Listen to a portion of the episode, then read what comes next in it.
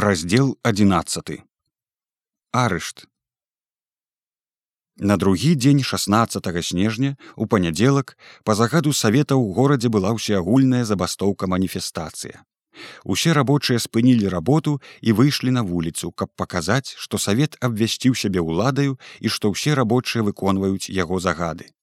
Маніфестантаў было тысяч пятнадцать яшчэ ніколі дагэтуль не бачыла іх столькі старая вільня гэта было штосьці грандыёзнае. Па ўсіх вуліцах бясконца ішлі калоны за калонамі. Усё зачырванелася ад сцягаў. Горад адчуў моц і арганізаванасць пралетарыяту. Нямецкія салдаты і нават афіцеры па-вайсковаму аддавалі чэсць сцягам маніфестантаў. На сцягах было шмат рэвалюцыйных лозунгаў, а найчасцей уся ўлада саветам і няхай жыве сацыялістычная рэвалюцыя. Апрача сцягаў маніфестанты неслі плакаты з рознымі патрабаваннямі. Трэбуем васьмігадзінны працоўны дзень. Трэбуем рабочы кантроль. У чыгуначнікаў было напісана: Чыгуначная маёмасць застаецца на месцы. Забраць паравозы і вагоны не дамо маніфестацыя прайшла ў поўным парадку. Ні немцы, ні палякі не адважыліся рабіць ніякіх перашкод. І агульны настрой у горадзе ў гэты дзень быў такі, што вось немцы хутка выйдуць, а гэта вырасла новая сіла, якая забірае ўладу ў свае руки. Не толькі пра тарыбу ці пра якую там беларускую раду ніхто не ўспамінаў, але нават і польская буржуазія нібы стерлася, зліняла, перад магутнасцю рабочыя сілы. Польскія вайсковыя прапалі з вуліцы. Агульнае ўражанне яшчэ больш узмацнілася, калі ў гэты ж дзень у самы разгар маніфестацыі па ўсім горадзе быў разлеплены і разданы рабочым па руках маніфест часовага рэвалюцыйнага рабоча-сялянскага ўрада літоўскай сацыялістычнай савецкай рэспублікі. Праўда, яшчэ ніхто нічога добра не ведаў і многія пыталіся адзін у аднаго чытаў што абвешчана рэспубліка дык вільня сталіца а ўрад ужо прыехаў паспрыяла і надвор'е як і учора. Снегу было яшчэ мала але падмарозіла паветра было чыстае яснае здаровае цэлы дзень. І прыйшоў я дамоў у радасным прыўзнятым настроі з такім пачуццём што ну вось ужо ўсё нешчаслівае і цяжкое засталося ў мінулым. Адышло адсунулася уляглося а пачалося новае, светлае, лёгкае для сэрца, добрае для думак жыццё. А калі адчыніў я дзверы і пераступіў парог свае кватэры, дык яно тое мінулае, як прыкрае здань, адразу кінулася мне ля стала ў вочы. Польскі легіянер у мундзіры скручанымі пагонамі і белымі нашыўкамі тырчаў на табурэце расставіўшы ногі ў шпорах і адкінуўшы на бок доўгую шаблю бліскучай жалезнай похве важна павярнуў да мяне сваю круглую прылізаную галоўку з чарнамазым тварам і бачкамі ён ромусь рабейка цьфу выбраў жа час прыехаць і прыйсці павіталіся мы сцюдзёна і смешна. Ён, як падпечаны, усхапіўся з табурэткі, стукнуў абцасамі шпоры зазвенелі і спярша руки па швам. Мусіць, каб першаму не прывітацца са мною за руку, ці ад неспадзяванкі.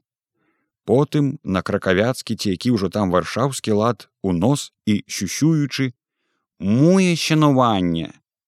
А я спярша гатоў быў біцца, сэрца затыхала, а потым адразу спакойным голасам і мімаволі усміхнуўшыся паўторыў чамусьці пераймаючы яго муе шануванне і ледзь не тыцнуліся насамі падаўшыся абодва тулавам наперад а тады я безуважна падаў яму руку і безуважна сказаў яшчэ раз сцюдзёна але з сваім натуральным вымаўленнем.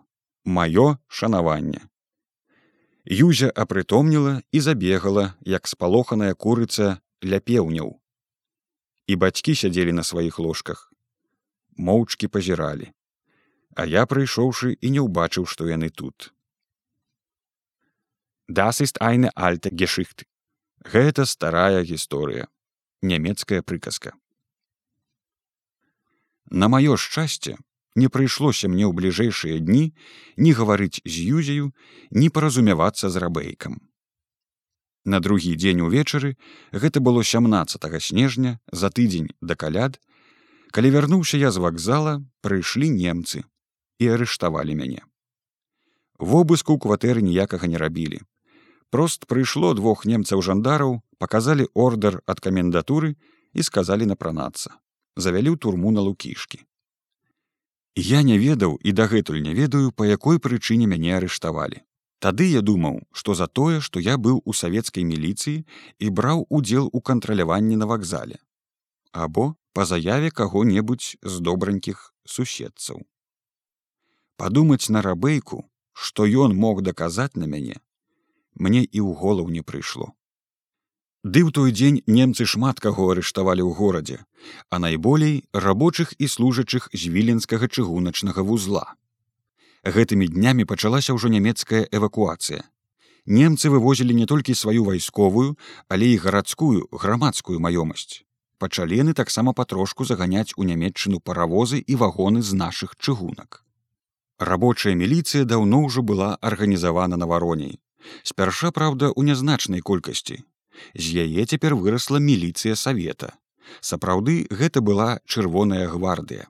Савет загадаў устанавіць на вакзале рабочы кантроль. Спачатку міліцыя савета кантралявала і лавіла толькі спекулянтаў, а потым так неяк само сабою зрабілася, што ўзялася яна кантраляваць і нямецкія вайсковыя цягнікі.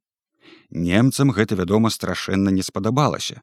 У гэтыя ж дні пад відам нямецкіх вайсковых фурманак перавозілі сваё дабро з двароў у горад паны, а з вільню варшаву і другія польскія гарады далей ад наступаючай чырвонай арміі вывозіла сваё дабро і сама выязджала капіталістычная польская і яўрэйская буржуазія. На вуліцах з'явілася шмат фурманак прост не прайсці.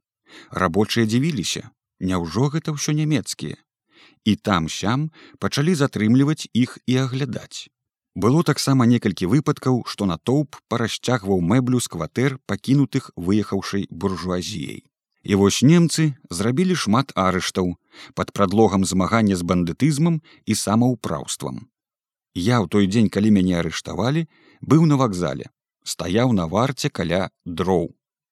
Немцы пачалі распрадаваць дровы, і савецкая міліцыя ўмяшалася, забараніла прадаваць. Я тады і думаў, што мяне арыштавалі за тое, што не даваў вывозіць дровы і за дзень падраў шмат нямецкіх квіткоў, з якімі з'яўляліся падровы спекулянты.